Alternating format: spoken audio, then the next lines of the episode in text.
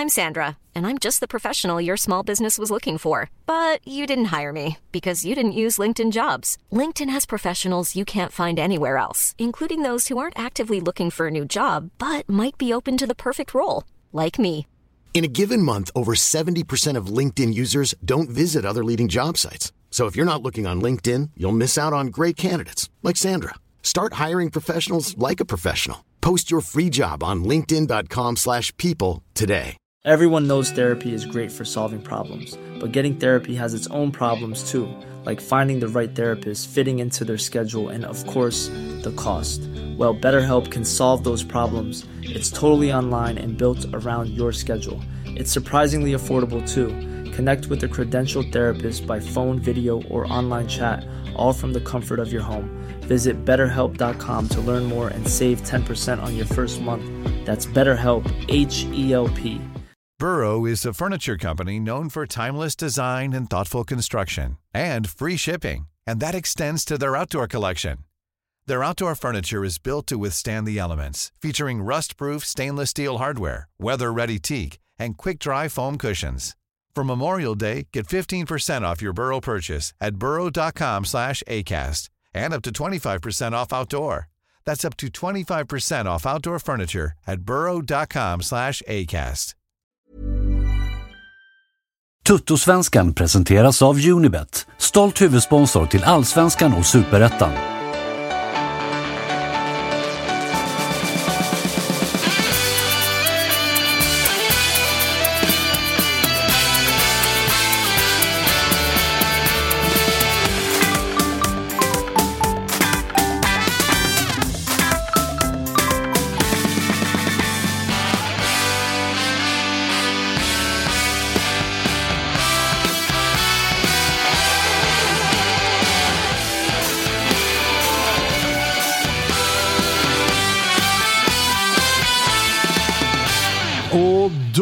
Var det fredag i eh, Toto-svenskan. Det är varmt satan. Kalle har sprungit hit från Scania-rinken så att allt är i vanlig ordning. Lite småkaosigt. Ja, herrejävlar.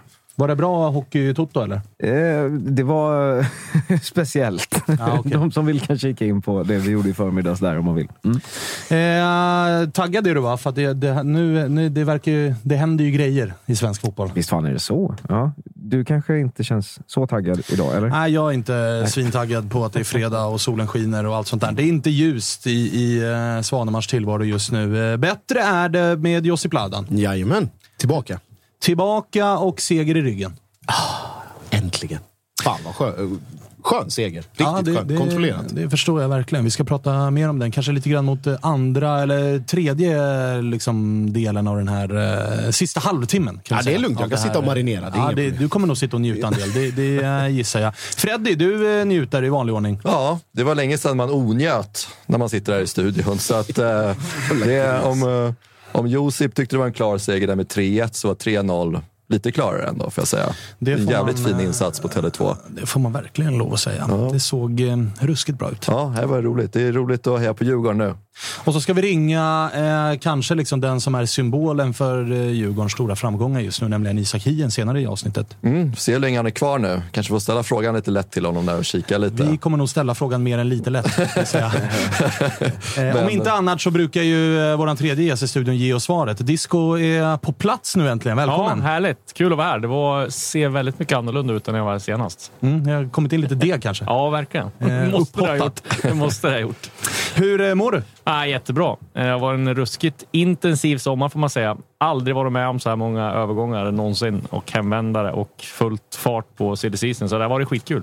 Har du Men- varit eh, poppis bland eh, familj och vänner och Inte sådär? direkt. Nej. Familj, ja, jo då, men det har varit lugnt. Eller jag var så lugnt så. Det har inte varit något katastrofbråk. Men det, man har lämnat en och annan middag och man har gått ifrån lite grann och sådär. Så att, nej, det har varit.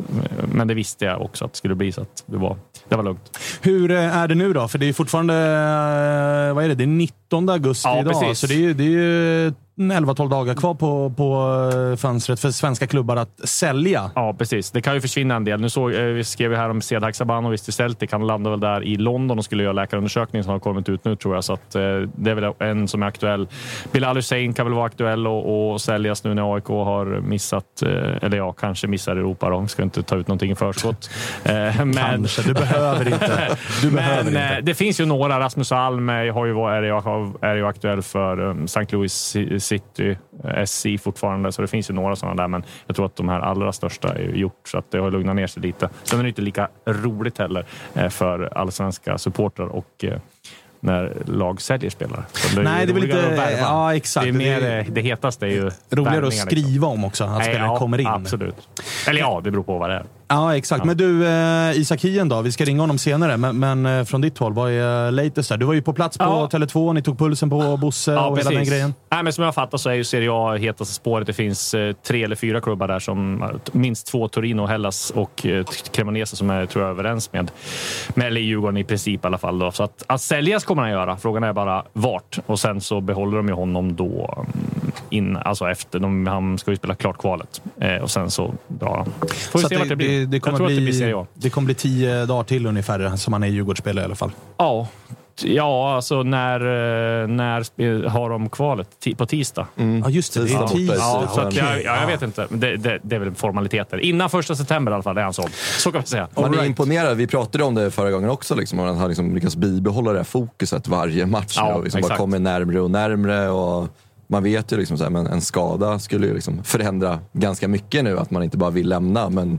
det tackar man inte nej som Djurgårdssupporter att, han- Nej, att han är kvar ett tag till. Nej, ett ruskigt monster. har ju gått från liksom att vara väldigt skadebenägen och ganska späd till att se ut som ja, men Upamecano och Ibrahim Konate jämförde jag med. Det känns som en, en Ja, light menar, i alla fall. Verkligen, och det är inte länge sedan. Det vet ju du Fredde. Vi satt ju här i inledningen av säsongen och tyckte att så här, det är inte klockrent. Han klev inte in säsongen som ordinarie, utan det var lite så här, är det Lövgren eller Hien? Vem ska vi satsa på? det- När- Ja, men det var ju så här, fyra, så fyra, det. fem så första det matcherna var ju det. Och jag menar, så som, som, dessutom som aik så måste man ju påminna sig själv, för nu är det ju många aik som är såhär, hur kunde vi missa honom? Mm. Och man bara, ja, alltså han var utlånad till Superettan i fjol i Vasalund. De åkte ur, han gjorde Exakt. ingen dundersäsong. Han in, då hade vi Robin Tii som en av Superettans bästa mittbackar eh, och var utlånad till, som dessutom är yngre. Så jag menar, det var ju ganska logiskt att så här, ja, vi går lite mer för, för, för den här spelaren. Och i början av säsongen så var det inte alls självklart att Hien skulle vara ordinarie i Djurgården och, och titta nu. Liksom. Så att det,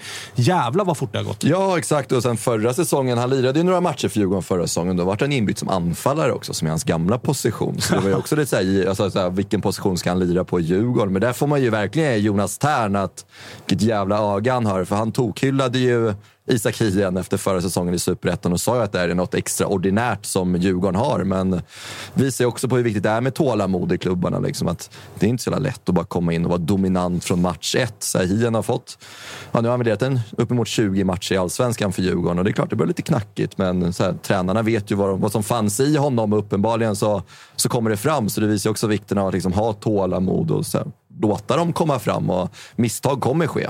Ja, men just det också som är en annan grej som är imponerande med Hien är ju också just den här fysiska omställningen som vi pratar om. Alltså att hur man går från vad är det, 6-7 kilo muskler på, ett, liksom, på väldigt kort tid. Och att, att identifiera, dels identifiera det själv och att lägga ner det hårda arbetet mitt under pågående säsong. När man dessutom ska spela Liksom, när det inte bara är gymmet som gäller under, säg att det hade varit i december, januari där man egentligen bara bor på gymmet och kan göra, kan göra lite vad man vill. Nu är det ju att, att kunna kombinera de två grejerna, det tyder ju också på att det finns eh, förmåga och kapacitet, liksom en självinsikt men också att hela tiden hitta det här att vilja utvecklas och, och gå framåt. Så det är verkligen, och, verkligen imponerande att kunna lösa det på så kort tid och få den utväxlingen. Alltså, man ska ju man ska veta... Nu, fan är jag ger fitnesstips egentligen?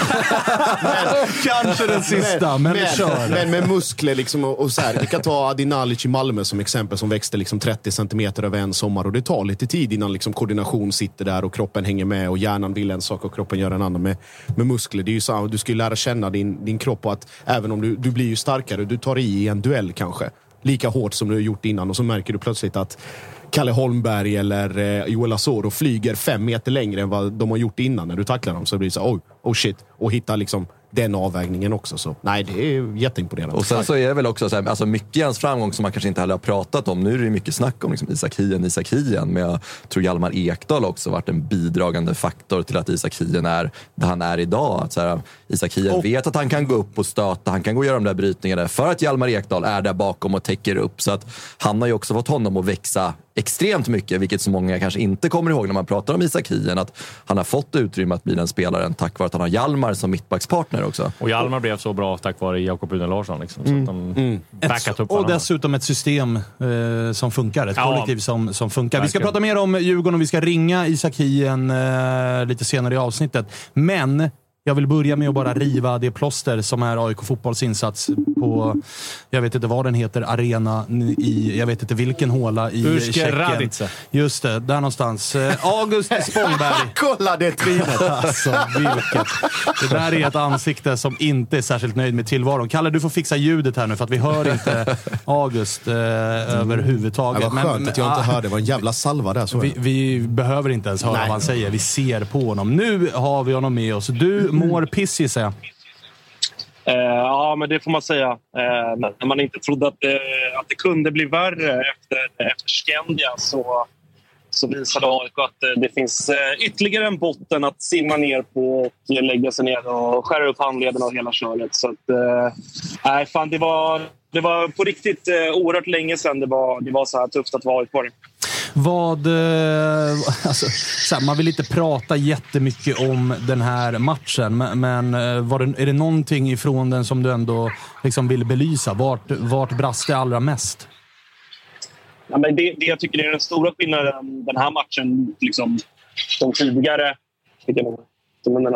De tidigare svaga insatserna AIK har gjort här efter, efter uppehållet är väl att Igår var det ju liksom, eh, ja, men en, en oerhört tydlig liksom, total systemkollaps. Tidigare, tidigare matcher tycker jag ändå att det har liksom gått att någonstans peka på, på konkreta och enskilda brister i form av lagdelar eller, eller offensivt spelidé eller, eller liksom enskilda spelare som, som är är tydligt för svaga. Men här, jag tycker inte att det finns någon mening med att försöka göra det i, i gårdagens match. Utan det är en total, total systemkollaps där inte en enda spelare är godkänd och inte ens faktiskt nära att vara godkänd. Kanske Collins.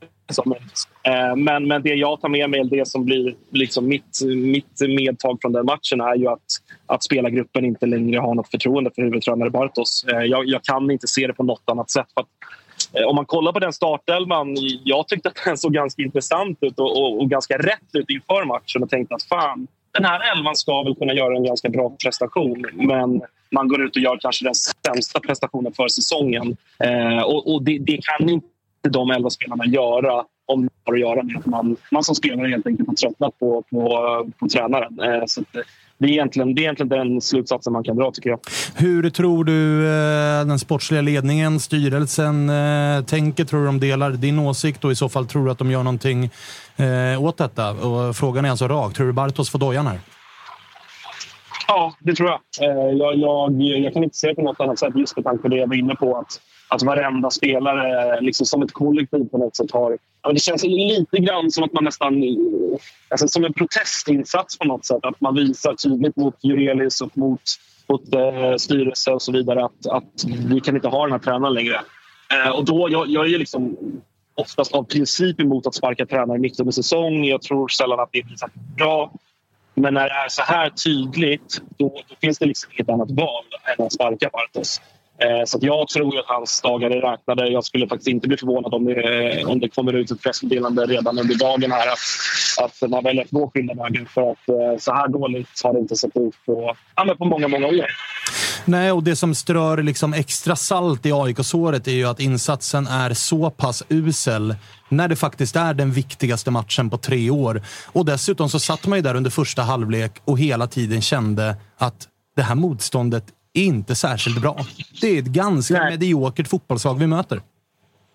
Ja, men verkligen så. Eh, alltså första, så här, ja, första 20 är vi ju helt okej. Vi har ju något handläge där och, och vi, vi liksom, då, då känner man ju verkligen som du, som du säger så att, att fan, det här är ett lag vi kan, vi kan rå på. Eh, men sen så äter ju de sig in i matchen ordentligt. Och sen så, de är ju, det är ett okej okay fotbollslag. Det är inget superbra fotbollslag. Jag tycker inte att de är Eh, alltså mycket bättre än vad Vorskla var. De är klart bättre än Skandia, men det är, det är Josips gäng som han tränade i Sölvesborg också, såg jag i veckan. Eh, men, men det är ett okej fotbollslag, men vi blir totalt avklädda så jag vet inte vad. Eh, så att, eh, märklig insats på många sätt och vis. Och, och det tycker jag också är någonting man ska ha med sig. Det blir ju väldigt så mycket diskussioner nu eh, om Bartos, även Jurelius ser jag folk pratar om, och Manuel Lindberg som vd och så vidare. Eh, och jag, jag, tycker det här är en tränarfråga. Men med det sagt så tycker jag att spelargruppen kan absolut inte svära sig fria från ansvar här. För att oavsett hur trötta en spelargrupp är på en tränare så har vi så pass många karaktärer, vi har så pass många eh, fanbärare, vi har så pass många personer i den här truppen som vet vad det här betyder för oss som klubb. Om inte annat, då, skit i tränaren. skit i vad Bartos eh, pysslar med vid sidan. Spela för dem på läktaren. Jag menar, vi åker ner 350 personer, bjuder på liksom dubbla pyroshower. Eh, vi har haft liksom den bästa publikmässiga insatsen hela säsongen som vi någonsin har haft. Spela för dem då. Skit i vad Bartos gör. Han kommer ryka efter säsongen oavsett ändå. Och det stör mig något så in i helvete att, att det blir lite som att spelarna gömmer sig bakom att jo, men vi har inte förtroende för tränaren och då, då kan inte vi plötsligt slå två passar inom laget. Eh, så det är verkligen en passning jag, jag vill skicka med till, till den här spelargruppen. Att, eh, ni har ett jävla ansvar i det här också. Josip, du vill in här. Ja, jag fick ju, jag fick ju lite Žalgiris MFF-vibbar här när jag såg, såg det igår. Och det är väl egentligen en fortsättning på bortamatchen mot eh, Skandia också. Att du pratar om, om just spelargruppen och att de inte gömmer sig kanske, men att det, det, är lätt att peka på huvudtränaren, att man inte har förtroende för honom. Vad är det som gör, eller tycker du, eller vad tror du gör att de här karaktärerna som Lustig, som Seb, som Nordfeldt på någon vänster, att de inte kliver fram trots att det, det ser ut som det gör? Är, finns det någonting som håller dem tillbaka? Liksom? Ja, men jag, jag, tror, och det är, väl, alltså, så här, det är väl såklart någonting som ändå får landa på Bartos. Eh, om man bortser från allt liksom, taktiskt och allt sånt så är det väl det är en väldigt stor del av att vara huvudtränare eller av, av att vara ledare och chef i vilken verksamhet man än pratar om. Att, att någonstans så ska, är det din uppgift att, att ena och leda dina anställda. Eh, och Det har ju uppenbarligen Bartos misslyckats med. Och Jag tror att det är, eh, när du nämner just de namnen och de spelarna med de karriärerna och de karaktärerna. Det är nog svårt. Eh, alltså så här, de unga spelarna de kommer alltid vara motiverade för att de har en karriär att tänka på. De har en utlandsflytt som kanske stundar. De spelar för sig själva i mångt och mycket. Men spelare som Sebastian Larsson, spelare som Lustig och så vidare, och så vidare de vill ju vinna här och nu. Men de måste också hållas motiverade. De måste, hålla, de måste liksom känna att de har en tro på det, det som händer. Och det har de ju inte. Alltså så här, de pratar mycket om i media efter matchen att så här, ja, det är för dåligt oavsett vilken taktik. Vi ska kunna prestera bättre än det här. Hej och hå. Och det är klart, det, det, måste man ju säga. Men, men jag tror att det är så enkelt att, att Sebastian Larsson och Lustig med flera, de, de tror inte alls på Bartos. Jag tycker att man ser det också lite ja, men kanske lite auktoritetsproblem då från Bartos sida. Att man ser ofta i halvtid, det är Sebastian Larsson som, som står längst fram och, och ger direktiv och ger instruktioner och, och kör hårtorken. Det är inte Bartos. Eh, så att jag tror någonstans att de karaktärerna vi har i laget, på gott och ont, men i det här fallet kanske lite ont, de har någonstans klivit ovanför Bartos i hierarkin. Och då har man ju också ett problem om inte tränaren är den som bestämmer. Mm. Då är det avgå alla som eh, gäller då. Klassiska eh, bevingade AIK-ord. Ja, nej, men lite så är det väl. Och det är, det är tufft det här. Jag, fan, jag funderade hur fan ska jag på något sätt försöka ingjuta mod i mig själv och, och de AIK som lyssnar på det här. Men, och det är, det är ju svårt liksom. Men vad fan. Eh, 3-0, större mirakel har skett i, i fotbollsvärlden. Det är klart att om vi får ett tidigt mål hemma på Friends inför 20 000. Eh, det är klart att saker kan hända. Men det är också därför jag inte ser något, val, annat annat val än att sparka Bartos. För det kommer inte hända under Bartos ledning. För att spelarna bryr sig inte när Bartos leder laget. Eh, så att med, liksom enda räddningen den här säsongen är en mirakelinsats hemma mot Slovacko på, på torsdag. Och det kommer inte ske med Bartos vid sidan. Så att, eh, ny tränare här och nu är, är det som krävs. Och det, det är tungt att säga det. Det är jävligt tungt för att eh, Bartos ska ha den, den största respekten för allt han har gjort i AIK. Eh, han kom in i ett liksom oerhört prekärt läge 2020. Räddade upp det Rickard hade liksom på något sätt pysslat med. Eh, gör ändå resultatmässigt en jätteprestation. I en ganska svag trupp och ganska svaga prestationer så är vi liksom en målskillnad från att vinna SM-guld i fjol. Eh, och liksom som person och som aik så ska han ha den största respekt eh, från alla aik Det hoppas jag att folk vill ge honom. Eh, oavsett hur dåligt det ser ut nu. Eh, så på det sättet är det oerhört tufft att, att konstatera att vi har nått, nått vägs ände med, med Bartos AIK den här gången. Sista frågan då. Vad vill du se som ersättare? Ja, det är också svårt eh, här och nu. Jag har ju svårt att se att man, att man som eh, i Hen Henrik Jurelius fall sitter på en lösning som känns, känns pikt och bra på lång sikt. Så att här och nu är det väl bara på något sätt gå in med en interimtränare som kan ja, men som på något sätt kan, kan ingjuta lite mod och energi i den där spelargruppen. För att det är en spelargrupp som har kvalitet, det vet vi. Eh, så att, här, jag tror väl och, och kan väl låtsas köpa att det blir någon form av intern lösning. Vi har en, en Borsa i, i i organisationen som finns där. Jag vet att Henok Goitom är en spelare som, eller en tränare som, som många har pratat om. Eh, och det är ju en person som har, om inte annat, respekt bland den här spelartruppen. Så att, eh, och även en Peter Wennberg då, som, som har den licensen som krävs.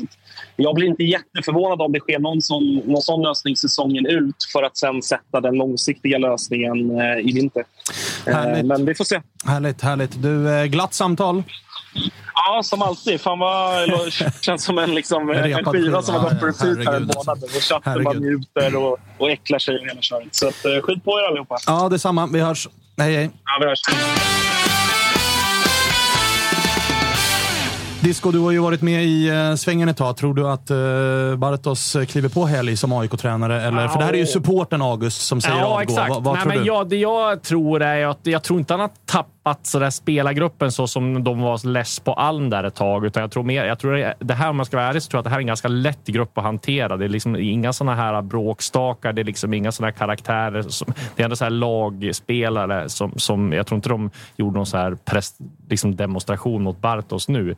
Däremot så tror jag att det som kommer fälla Bartos det är framför allt när han skrev på nytt kontrakt så var de ju extremt noga med att de skulle få liksom utveckla unga spelare. och Jag ser ingen ung spelare i dagens AIK som har tagit steg framåt de senaste månaderna. Joe Mendes har ju snarare gått bakåt. Ayari, ja kanske, men han är liksom ingen bärande AIK-spelare. Bilal Hussein räknar jag inte som en ung spelare längre. Han var ju liksom etablerad får man säga. Och Erik Ring har ju inte tagit liksom, alltså det, är, det är mer det tror jag. Och dels att de liksom, ja, nu är de på väg ut i Europa. Där hade de målet att komma till och så komma topp tre där är de inte. Så jag tror att det mer handlar om framförallt um, att det här med eh, eh, unga spelarna, att han skulle ha tappat spelargruppen och just de här målsättningarna. Och sen är det väl just det här jag tänkte på i, när de förlorade med 3-0. Jag fattar inte att man när, när de släpper in 1-0, varför backar de inte hem med en fembackslinje och lägger sig på rulle och liksom bara kontrar? För jag menar, 1-0 är ju inte ett katastrofresultat att ha med sig hem. Nej, nej, nej. Det, att man då satsar framåt, det är också jättekonstigt. Ja, och dessutom att man by, alltså matchcoachningen när man byter ut Collins, 18-årig mittback jag i paus. När man vet om att Lustig, kommer, han orkar inte 90 minuter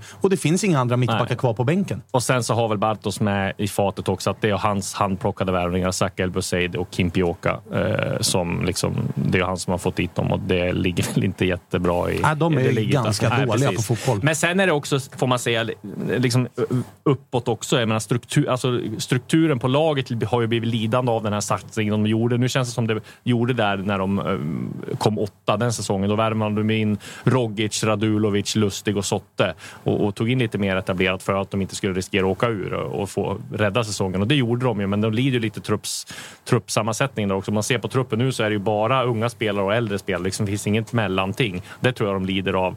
Eh, eh och det är ju liksom eh, VD och sportchef som sätter den strategin, så det är ju inte heller speciellt bra. Eh, liksom. Och sen att man, nej att just Europaspelet, det var ju liksom hur kan det se ut så här i AIKs viktigaste match på så länge och med 3-0 det. Och sen, de har Och det är inte haft- Maribor och Nej. Celtic som det var Nej, förra precis. gången. Då kan man acceptera Nej, att så här, ja, mot exakt. Celtic borta, men vi torskar med 3-0 där. Ja. Alltså, det kan, sånt kan ju hända. Liksom. Och sen men, kan man ju liksom dynamiken i klubben också. Nu fattar jag som de hade äh, Jurelius haft möte med supportergrupperingar i början av veckan. Det börjar mullra. Eh, Jurelius kommer från supporterleden. Han kanske tar lite mer, vad ska man säga, eh, intryck av vad supportrarna gör. Vad Till exempel Björn gjorde som kunde liksom stå emot om man säger så. Så att om man ska utgå från vad som har hänt i AIK under de gånger jag bevakar AIK i de här nästa 16 åren så är jag svårt att se att han sitter kvar speciellt länge till. Sen beror det på läget också. Ska man Liksom Norling hade ju, en, när han fick kicken så hade han förtjänat en chans att få sitta kvar säsongen ut. Ja. Och där resonerade liksom, Björn Westerholm var ju uppe med den. Jag intervjuade honom då inför och sa liksom, om- ska vi vika ner oss vid motgång? Äh, resonerar ju delvis likadant. Ehm, eh, har Bartos gjort det så bra så att han också förtjänar en chans att ordna upp det här? För jag menar, vinner de mot Norrköping så är de ju med i fighten där. Samtidigt, nej, ja, så, ja, han kommer få gå. Frågan är bara när, tror jag. Freddy, tro, vad tror du? Är det Bartos som tränar AIK på söndag mot Peking? Nej, men så här, efter matchen så gör man ju det som eh, oftast Djurgårdare gör när det går dåligt för AIK. Ju Gnagarforum. Gnagarforum. Och där läste man, ja men det var ju mycket, mycket skit liksom. Men det var ju också någon som var inne på liksom att så här, har han misslyckats än? Det är ju mer så här, spelet på planen och hur det ser ut där ute. Men så om man kollar liksom på de sportsliga målen, det är att AIK ska i alla fall vara topp tre. Det har de fortfarande chans på. Det är inte helt kört mot Slovacko, även fast det såg så ut på bortaplan. Jag tycker att det är ju kanske mer lite individuella misstag som gör att ni släpper in tre mål än att liksom kollektivet liksom, eh, är dåligt. Utan jag tror att det är, vissa av de där målen blir inte mål annars. Det är bara liksom, bara dåliga prestationer från enskilda spelare. Eh, ni har chans också att göra mål. Och sen så, lite som du är inne på också, Disco, att så här, Visst, man har inte lyckats med de unga spelarna, men kollar man ändå så här, Collins ser fin ut, har en jättebra utvecklingspotential. Ajari kommer växa och växa.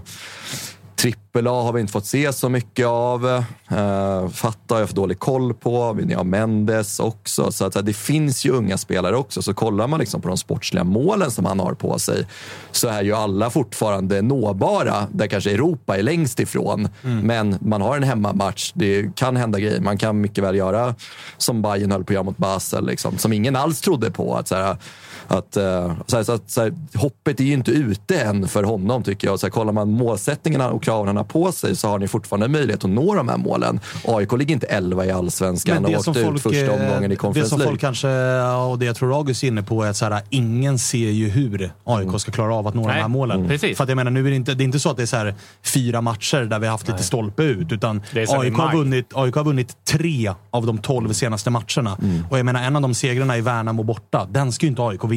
Det är två dundertavlor som gör att AIK vinner den matchen. Ifall det hade spelats mm, liksom, normal fotboll i en halvtimme till vinner ju Värnamo snarare med 3-1 än att AIK vänder tillbaka den matchen och, och vinner. Så det, det, det är ju heller inte en trend att det ser ut så här. Utan det, det, är- så här ser AIK fotboll ut under Bartos. Och jag menar, visst, man kan skylla på att så här, Milosevic och Nabba varit skadade. Men i ett fungerande system så har man råd med att en gubbe är skadad Ja, här, att man har en den bredden där. i, Ja. bredden i truppen. Och det var lite som jag var inne på också när jag började mitt resonemang. Att så här, det är ju att han ska ju få gå för liksom så som det ser ut på planen och så som det har sett ut senaste tiden. För kollar man på pappret så har han ju fortfarande möjlighet att nå de här sportsliga målen. Men är det troligt? Kanske inte. Precis. Ganska... Och då är det kanske bättre att agera och fortfarande ge det chansen att nå målen. Mm. Snarare än att bara stå och titta på när målen försvinner. Sen funderar man lite på värvningsstrategin också. Manuel Linde var ju väldigt tydlig med i AIK Plus där att de inte skulle värva någonting eh, förrän de sålde någon. Och de sålde ju ingen och värvade ju bara på lån. Men sen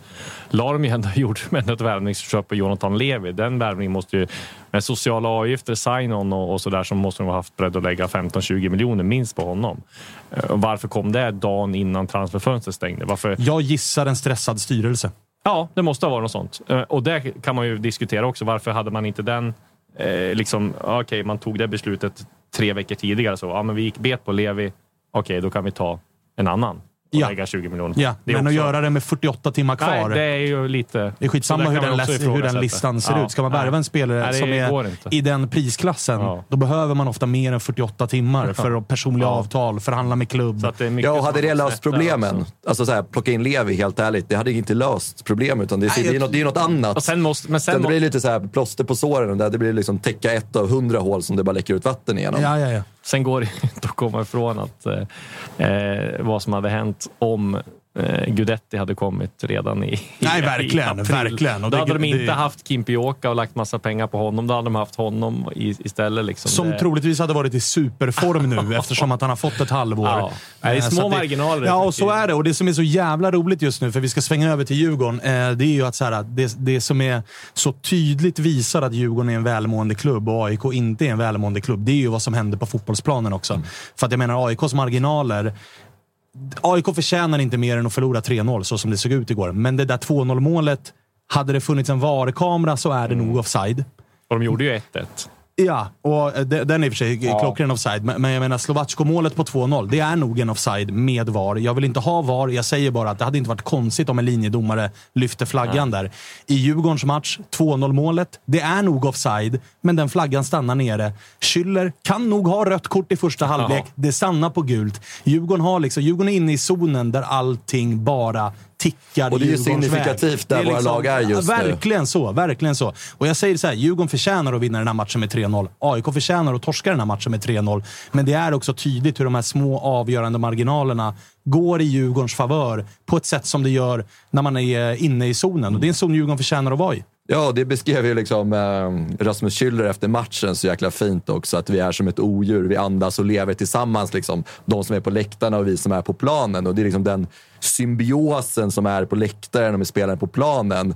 Då är det ju liksom att allt det där går våran väg och man vinner såna här matcher med 3-0 som vi för två, tre år sedan hade liksom inte alls vunnit med 3-0. Så att det, är liksom, det har vi byggt upp tillsammans också. Ja, man ser ju direkt. Alltså när, när Edvardsen drar iväg den där och man vet Ja, att bara är, det också. Det är klart över. att det skulle bli mål. Där är över. Alltså, fan, man får gåshud när ni bara pratar det är om det. 100 procent den matchen är död där. För att om sånt går in, då finns det ingenting som vilket motstånd som helst kan göra där och då. Påminner när Magnus Eriksson satte Satte 2-0 mot eh, Salzburg när Malmö kvalade till Champions Ja, League. också Och så här- ja, det, och alla, det var liksom så här folk, okej det är en sån kväll. Det är liksom nu, allt som kan gå vår väg kommer göra det också. Och det är som du säger, det är ingenting som man har vunnit. Det är, liksom, det är ingen lotterivinst, utan allt är... Ja, och det är ju bara för alla att njuta av det här, för det här varar inte för evigt heller. Liksom. Att så här, det, den, liksom, det Djurgården är inne i just nu, det är någonting helt unikt. Och jag tyckte de beskrev det jättefint i, i DIF-podden. Liksom, att här, Sverige har sitt VM 94, Djurgården har sin sommar 2022. Liksom, där allting bara stämmer. Vi vinner alla matcher. Det är liksom magi på planen, det är magi på läktarna. Det, är liksom, det här händer väldigt sällan, det man får uppleva just nu. Så Är det bara på är det det bästa Djurgården du har sett?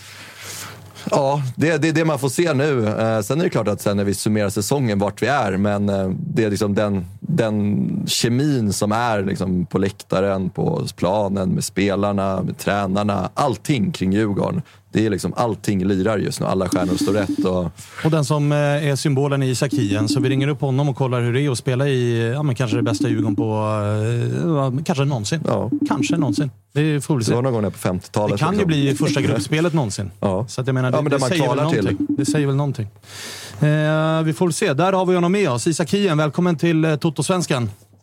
Tjena, tack så mycket. Tack. Du, eh, livet leker gissar jag. Eller hur?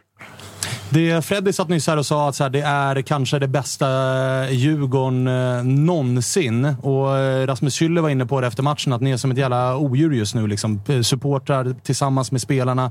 Allting är enat. Känner man, alltså, delar du den känslan eller? Eh, ja, men det gör jag väl. Alltså det, är- det är väl känslan man har nu i stunden. Att, att vi går liksom som ett tåg och, och det är prestation efter prestation där vi, vi liksom kommer upp i nivå och gör jävligt bra prestationer rakt igenom. Så vi, vi känner ju att vi är ett flow. Det ska man inte sticka under stolen med. Kände ni själva också där under matchen? Jag menar, man tänker, och så här, framförallt kanske efter matchen, att vi pratade lite grann om så här, lag i medgång kontra lag i motgång. Att är det en tveksam offside just nu så är AIK inne i en period där man får den emot sig. Då kommer flaggan upp eller, eller motståndarna, eh, liksom, målet frias eller sådär. Medan ni, för kollar man matchen mot Apoel, alltså det är ett mål från halva plan. Schüller kanske ska ha rött kort och 2-0 målet är nog offside. Men det stämmer för er just nu. Är du med på vad jag menar? Mm, mm. Jo, men det, är- det, det är säkert lite så också. Eh, så är det ju i fotboll. När, när man, det är som du säger, när, när saker går emot, då går det alltid emot lite. Eh, lite som det var i början, början av säsongen för vår del. Vi, vi gjorde ganska bra prestationer. Inte riktigt lika bra som vi har gjort nu på, på senare tid, men, men ändå ganska bra. Men vi fick inte den utdelningen vi kanske förtjänade. Och då hade vi en tro på det hela. Att, eh, fortsätter vi som vi gör så, så får man utdelning till slut. Och nu har vi haft ett flow med, med, med många segrar i rad och vi har gått obesegrade. Och då är det lite så. Kanske någon match där, här och där är kanske en kryssmatch eller en 2-0 seger egentligen. Men det blir 4-0 liksom för att man är i flowet man är i.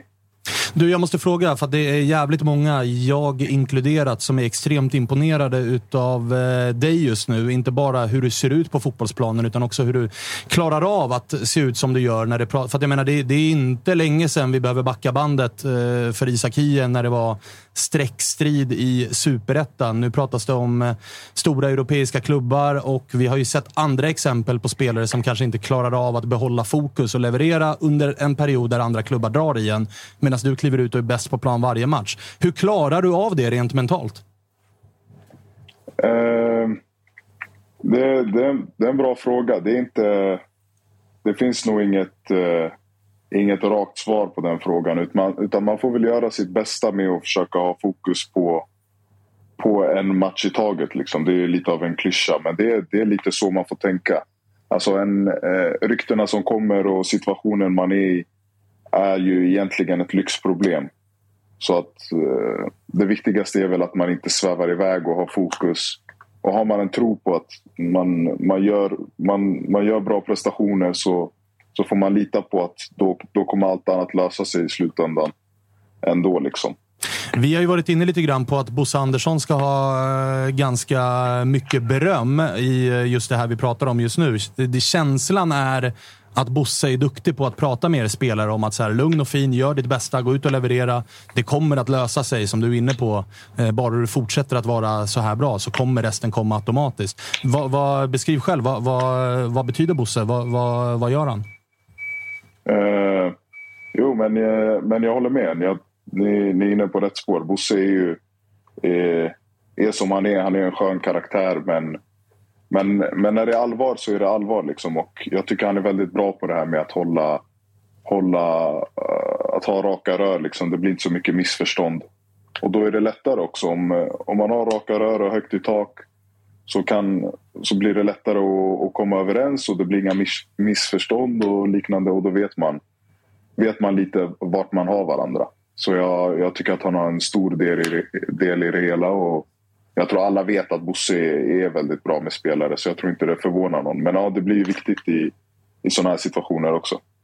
Jag tänkte på just eh, raka rör och, och högt i tak, Isak. Det känns som att ni, ni Djurgården idag, ut, eller tittat utifrån, så känns det som en grupp där det är väldigt, väldigt tydligt att man har väldigt höga krav på varandra, men det spiller liksom aldrig över till att man pekar på någon eller gör någon till syndabock ifall det skulle gå dåligt. Utan när vi, när vi vinner så gör vi det som ett lag och när vi förlorar så gör vi det som ett lag. Delar du, delar du den bilden eller har det förändrats under din tid i Djurgården? Att det har blivit mer liksom att, att det har gått åt det hållet? Om, du, om jag är tydlig nog i min frågeställning.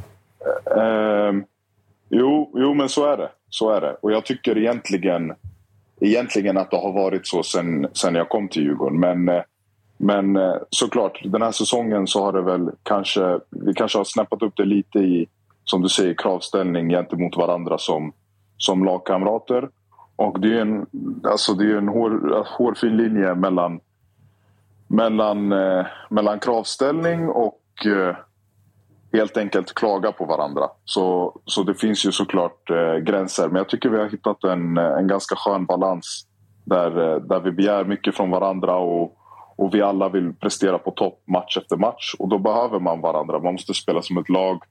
Och då måste man få ställa krav också.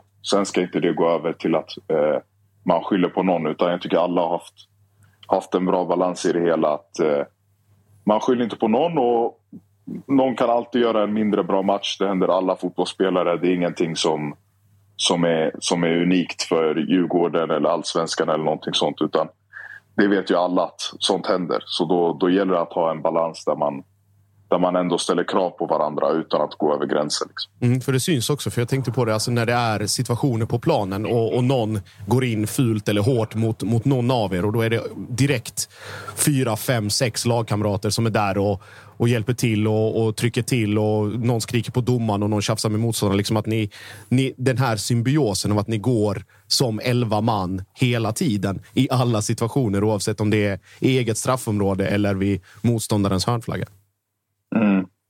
Verkligen, jag håller med och jag tycker vi har visat, visat på det bra ute i, ute i kvalspelet i Europa här. Att vi, vi, vi vet att vi möter bra lag och bra fotbollsspelare. Så, så blir det för alla allsvenska lag som går ut och, och spelar i Europa. Men om det, om det är någonting man ska torska på så är det att motståndarna helt enkelt gör det för bra. Man, man, man vill liksom inte torska det mentala eller torska i något annat än just fotbollen.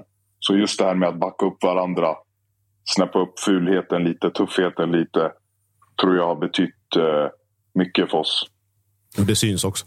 Tjena Isak, det är Freddy här. Uh, det, det, det snackas ju mycket om dig liksom, varje dag. Dagarna i ända. Isak Hien, Isak Hien, Isak Hien.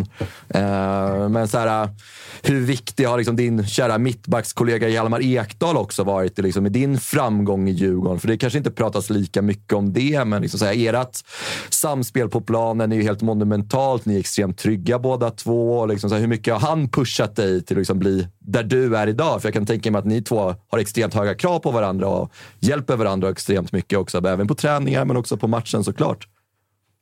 Uh, uh, nej, mycket såklart. Uh, Hjalmar har, uh, har varit där sedan början. Liksom, och såklart, det blir ju nytt att gå från att inte spela alls till att helt plötsligt man, så ska man starta matcher och, och sådana grejer. Så jag tycker att han var extremt viktig i den perioden när jag liksom skulle komma in i det allas, och det, och det, det är såna grejer som kan vara svårt för folk utifrån att se, se skillnaden på. Det är, det är lite, ja, men han spelade, han var inte så bra och så är det inte mycket mer med det. Men om man, kan, om man är, inne, om man är inifrån liksom, så märker man skillnaden på spelare. Om det är deras första match eller tionde match. Och just den perioden där i början när jag började spela så var han eh, otroligt viktig och, och, och stöttande i att få in mig i det hela liksom, så att jag skulle komma in i det. Och sen nu, nu när vi, vi, vi går som tåget så, så håller jag med dig lite. Jag tycker, eh, jag tycker att han inte riktigt har fått eh, den, den credden han förtjänar. Alltså det känns som att eh, min spontana tanke så när jag tänker på hans prestationer i år så kommer jag inte ihåg. Nu har vi ju gått många matcher utan att torska men jag kommer inte ihåg sist han liksom satte en fot fel. Så jag tycker att han eh, kanske lite har gått eh, under radarn och inte fått credden han förtjänar riktigt. Du, jag måste bara fråga, på tal om det här med att inte vara ja, men vi som bara ser matcherna och så gör man inte så mycket mer. Men för egen del, alltså, vi måste konstatera att det har gått väldigt snabbt för dig. Eh, alltså från Vasalund till Djurgården, inte helt ordinarie i början av den här säsongen och nu så pass bra som du är med de klubbarna det pratas om och, och helt självklar och det pratas landslag och hela den biten. Vad, ja, har du jobbat på något speciellt extra? Alltså har det varit att du har jobbat mer eh, fysiskt eller har du behövt sitta med liksom, videoanalysteam teamet och jobba på det taktiska? Eller, eller har du gjort något speciellt för att det ska gå så här fort som det har gått? Mm. Eh, ja, såklart. Det, det, det är mycket som spelar in i det och som jag har sagt tidigare så, är, eh, så har fysbiten och att vara hel varit, varit en del i det hela. De stegen tycker jag dock att jag tog liksom kliv i under förra årets säsong. Jag skadade mig, fick jobba i gymmet när man är skadad var inte så mycket på fotbollsplan och att jag liksom byggde upp min fysik det året.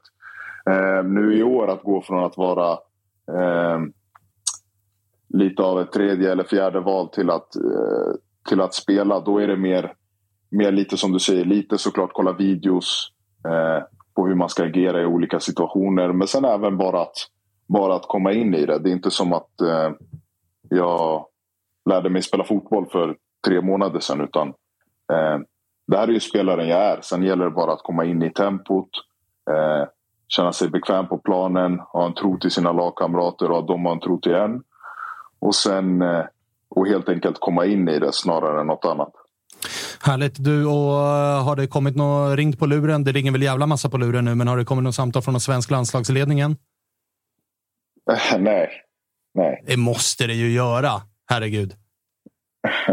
kan man ju tycka. Men eh, det, det, det, är, något, det är någonting som jag, som, som jag aldrig egentligen har, har känt någon stress över. Jag, jag sa det i någon, eh, någon, någon intervju häromdagen också att eh, mitt, eh, mitt mål har aldrig varit att spela landslag mot varandra eller eh, eh köra klockkortet liksom om vilka som är först. Utan eh, utan eh, jag har en tro till mig själv och jag tror att sånt kommer inom sinom tid. Jag sa också att eh, Hjalmar var, vann allsvenskans bästa back förra året. Eh, har varit bra det här året och han var inte med förrän för någon samling sen. Så, så att jag ska sitta här och säga att, eh, Jag, eh, du försvann lite där på slutet, men jag tror att jag var, förstår vart du var på väg någonstans. Att det, det, får, ta, det får ta den, eh, den tid det tar, men vi hoppas få se dig i eh, en svensk landslagströja inom en väldigt snar framtid. Ja, tack så mycket. Det, det hoppas jag såklart också. Men eh, jag tycker det blir lite jobbigt för mig bara att spekulera.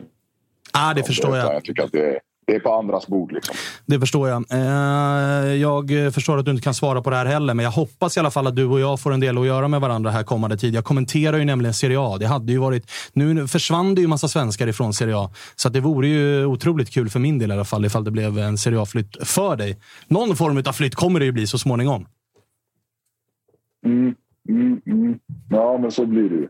Eh, sen, eh, sen får vi se. Det, det är som sagt det, det är mycket rykten och, och, och rätt många klubbar som, in, som man får eh, man får lite vänta och se hur det blir i, i slutändan. Ingenting är, är klart än med, eh, med varken från, från Djurgårdens sida eller från min sida. Så vi, vi får lite se hur det blir.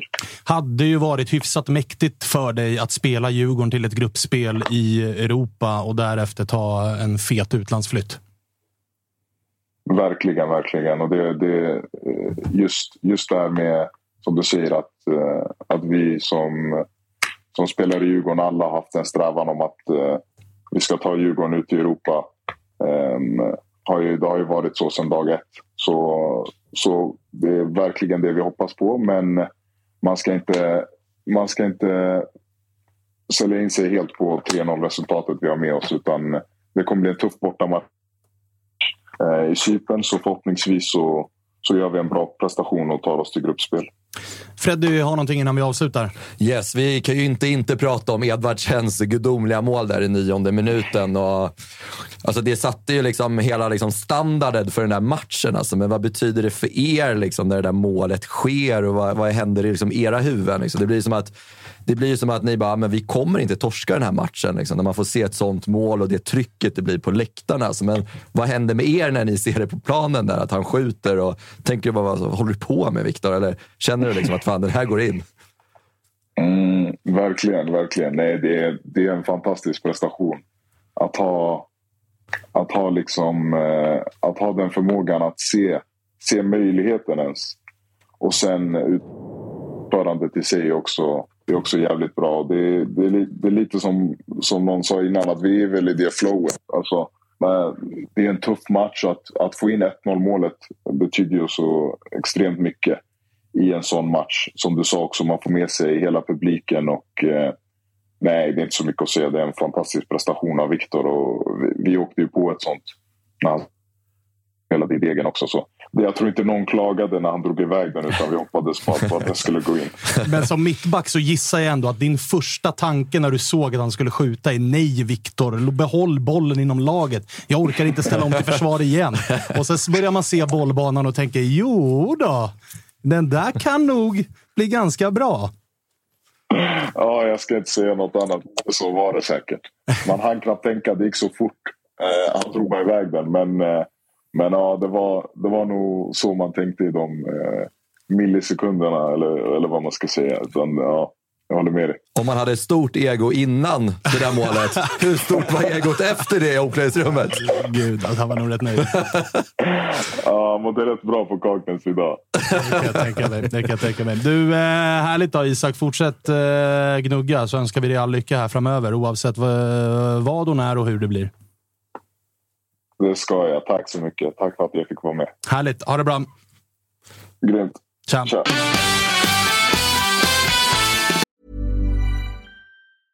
Hiring for your small business? If you're not looking for professionals on LinkedIn, you're looking in the wrong place. That's like looking for your car keys in a fish tank. LinkedIn helps you hire professionals you can't find anywhere else, even those who aren't actively searching for a new job but might be open to the perfect role. In a given month, over 70% of LinkedIn users don't even visit other leading job sites. So start looking in the right place. With LinkedIn, you can hire professionals like a professional. Post your free job on linkedin.com slash people today. Everyone knows therapy is great for solving problems. But getting therapy has its own problems too. Like finding the right therapist, fitting into their schedule, and of course, the cost. Well, BetterHelp can solve those problems. It's totally online and built around your schedule. It's surprisingly affordable too. Connect with a credentialed therapist by phone, video, or online chat, all from the comfort of your home. Visit betterhelp.com to learn more and save 10% on your first month. That's BetterHelp H E L P. Burrow's furniture is built for the way you live. From ensuring easy assembly and disassembly to honoring highly requested new colors for their award-winning seating, they always have their customers in mind. Their modular seating is made out of durable materials to last and grow with you. And with Burrow, you always get fast, free shipping. Get up to 60% off during Burrow's Memorial Day sale at burrow.com slash ACAST. That's burrow.com slash ACAST. burrow.com slash ACAST. Är det kanske ett av de största liksom, eh, explosionerna man har sett i Allsvenskan? Ja, det får man säga. Eh, han blir väl en av de största mittbacksförsäljningarna genom alla tider. Så att det är klart att, och med tanke på att vi satt och pratade i början av säsongen om att Jesper Löven kanske också skulle vara med och konkurrera och man visste inte vem de skulle välja. Så det är klart att absolut, det har ju gått extremt fort. Och det är ju imponerande på det sättet, precis som vi har pratat om tidigare, hur han kan koppla bort allt och bara köra. Eh, och sen är det väldigt intressant att se vart han hamnar och eh, exakt hur mycket pengar det blev. Eh, men Vi vet ju att Djurgården hoppades på att Galatasaray skulle blandas in i leken och att han skulle gå dit. Då är det ju 50 miljoner och mer. Men det är som jag fattar så vill han väl till Serie A helst. Så det Det är bara att gratulera Djurgården. Det är 100 millar in nu. Gruppspel. Eh, Man kommer säkert Ja. ta någon seger där och så säljs Ja. Isak Hien på det. Nej, det är, som jag säger, liksom, det är sån jävla symbios kring Djurgården så- nu, så det är bara... Så har de fått tillbaka. Mackan Danielsson som de sålde för 45 netto och så värvar de tillbaka en gratis. Isak Hien får Det växa medan Danielsson är borta. Sen kommer de in och byter av varandra där. Ja, för det var ju också snacket inför Djurgården, alltså inför säsongen var ju verkligen mittlåset. Ja. Att så här, är det, alltså, ska Ekdal ha varit bra, men då hade han pappa Une eh, bredvid sig. Une försvinner, man ersätter inte utan man låter Lövgren vara kvar, man plockar tillbaka Hien från Vasalund. Ingen aning om, och inledningen på säsongen var också så här lite varannan matchkänsla. När Hien spelade de första matcherna, då var det också så här man såg lite glimtar av att det kan bli bra, men det var också väldigt mycket juniorfasoner liksom, ute på plan. Så att, jävlar i mig vad det, det frågetecknet blev ett stort jävla utropstecken. Och jag, menar, jag, bör- jag började tänka på så här, Anel Ahmedhodzic, han pratades en del om. Det blev inte den flytten många trodde. Det blev till liksom ett dassigt jävla Bordeaux. Nu i Championship, valde dessutom eh, det bosniska landslaget. Här pratas det liksom Galatasaray, Torino. Ja, men grejen Alltså- var ju med Ahmed Hodzic att han hade ju spelat i, liksom i Malmö som har vunnit SM-guld och liksom varit framme. Spelade väl i Europa, eh, Champions League eller? Eh, nej, kanske han inte gjorde. Men han spelar för Bosniens landslag och turnerar Mbappé. Liksom, så han har ju liksom kunnat öka sitt värde så. Här Jo, han var ju med mot Zenit och de här ju. Ja, Ja, fick ju rött i gruppspelet. Ja, Just exakt. Och då jag menar, och eh, Hien har ju bara spelat i allsvenskan. Gjort jättebra insatser i, i Europa nu då, på slutet. Men det är ju att de säljs för nästan lika stora summor. Ja, och så här, eh, Hammarbyare kommer kasta in Odilon, men han såg man ju heller inte. Han köptes ju redan typ innan han hade debuterat för, för Bayern och när han spelade i Bayern så var det ju darrigt satan. Och det var ju Ja. snarare så att den här belgiska klubben köpte på att de såg en Potential. potential. Ja, exakt. Isak. Hien är ju överlägset allsvenskans bästa mittback och han har spelat här i en kvart. Mm. Och så ska han gå 50 och förra året åkte han ur med Vasalund. Alltså det är en så jävla imponerande Och det, resa. det visar ju också så här, Kim och Tolle, för det var ju där i våras, i våras när det var lite skakigt. Då var de ju lite så här, bara fan, vi vet vad vi kan, men vi får inte utlopp för det. Vi har inte rätta flowet på planen, vi har inte rätta turen med oss. Så de har nog sett det och han var ju också gigant på träningarna, även i våras. Liksom, Hian. När det var lite skakigt på planen så var det många som snackade om att han är en gigant på träningarna, det är en bra spelare. Så att man säger, men det är så här, fan, det var väl din arbetsgivare, där Sportbladet, när de gjorde årets liksom, allsvenska bibel, så gav de honom en plus. Nej, nej, nej, nej, nej, det är helt fel. Det är så- Eller var det förra var- året? ja, det var- Bosse gav den ja, passningen Precis, Bosse sa det. Var Ja. helt fel. Ja, det var det, ja. Man har sett den ju- cirkulera på sociala medier. Det sa ju Boman, det var ju förra. Boman sa jag kunde inte försvara mig mot det här då. Liksom. Började stå och argumentera där. Nej, det tror jag inte. Jag tror det var, inför den här så var det mer, tror jag. Inför förra var det ett plus Ja, och det var väl fullt Det var jävla väl- rimligt. exakt, det där menar alltså, Helt oprövad 19-åring kommer, eller vad fan han var. Då, ringer, 20 det, är. Bosse, det är bara Bosses eh, Norrtälje-glass-samtal som ringer i huvudet. Fan fan vad de sa? När de där jävla 10 miljoner till Slavia Prag, det ju, blir ju inte för Exakt. Det var Sen kom alltså- 12 på bordet, det var ju fortfarande inte aktuellt. så Nej, att det de, var- de vet väl vad de har haft i honom. Det är väl bara det att vi har ju väntat på läktarna och ser det och nu är det ju konstant leverans. Vad kan det vara, 17 omgångar tillbaka i Djurgårdströjan. Matchen då? Blev du eh, förvånad över hur eh, svagt motståndet var? Alltså Apoel har ändå så här varit i Champions League-gruppspel och, och såna här grejer, men det var ju slakt. Ja, ja, det är så här, det var ju som vi diskuterade lite innan matchen också. Så här, vi vet ju inte vart vi hade Seps innan matchen och satte av dem hyfsat bra. Rijeka också. Sen möter vi Apoel med liksom alla deras historia.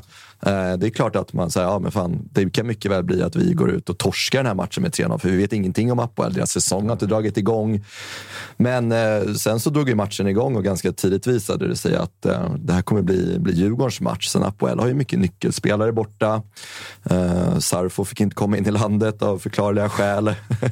och jag tror Kvitilla, deras anfallare, deras absolut bästa spelare, är skadad. Så att det är klart att det var ett skadeskjutet Apoel som stod på planen. Men jag har svårt att se att det skulle ha varit någon större skillnad om de hade varit med och spelat ändå. För de, de hade lite tryck, de hade lite chanser, men det var inte mycket mer än så. Utan det var Djurgården som, eh, som styrde och ställde hela matchen. Och det var ju som vi pratade med Isak också. Jag tror att det där målet i nionde minuten Ah, det, sätter ju också liksom förutsättningarna för resten, resterande 81 minuter i den här matchen. Sen måste vi också skicka en ganska rejäl skopa kritik mot Apoels sportsliga ledning, som alltså dagen innan match väljer att träna på naturgräs.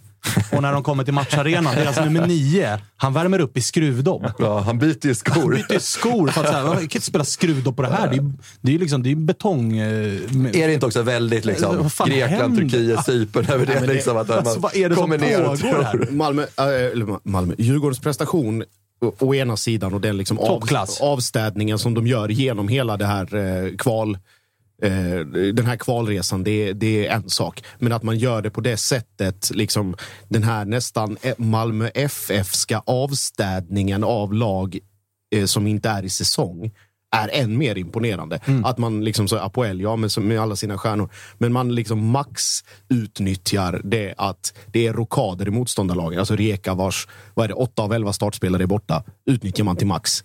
Eh, och, och inte bara genom att peka på Rekas svagheter utan att spela sitt eget spel. Sepsi städar man av också, samma sak där. Och Apoel i den här matchen är storstjärna hit och dit och underlag och hela kalaset.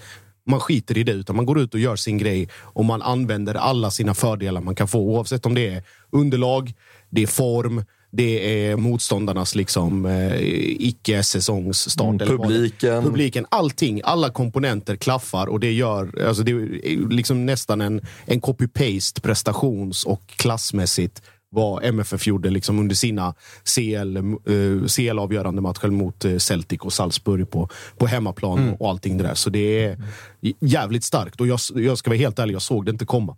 Jag tror, alltså, på riktigt, jag trodde snarare inför säsongen att om det skulle bli en sån sits, att AIK skulle stå för det och inte Djurgården. Nu blev det tvärtom. Ja, Men det är för ju man det tänker att AIK har rutin. Alltså AIK har många spelare som har varit ute och spelat i Europa och sådär. Djurgården saknar ju lite den eh, karaktären utav spelare. Och ändå är det Djurgården som när det gäller som mest den här säsongen. helt. Ja, inte många där. Ja, det är Nej, Mange- Mange det är Eriksson. många Ja. som har varit där. Liksom, Bengtsson och- Ja, han spelar ju knappt. Så, att, Nej, ja, exakt, ja. så han sitter ju på Nej. bänken. Det är, Elias går in där och tar Ja, hans inga roll. Nej, men det är så, här, så, så har det ju varit. Alltså, sen, alltså, när vi mötte Ferencvaros för något år sedan, vi mötte Cluj för några år sedan.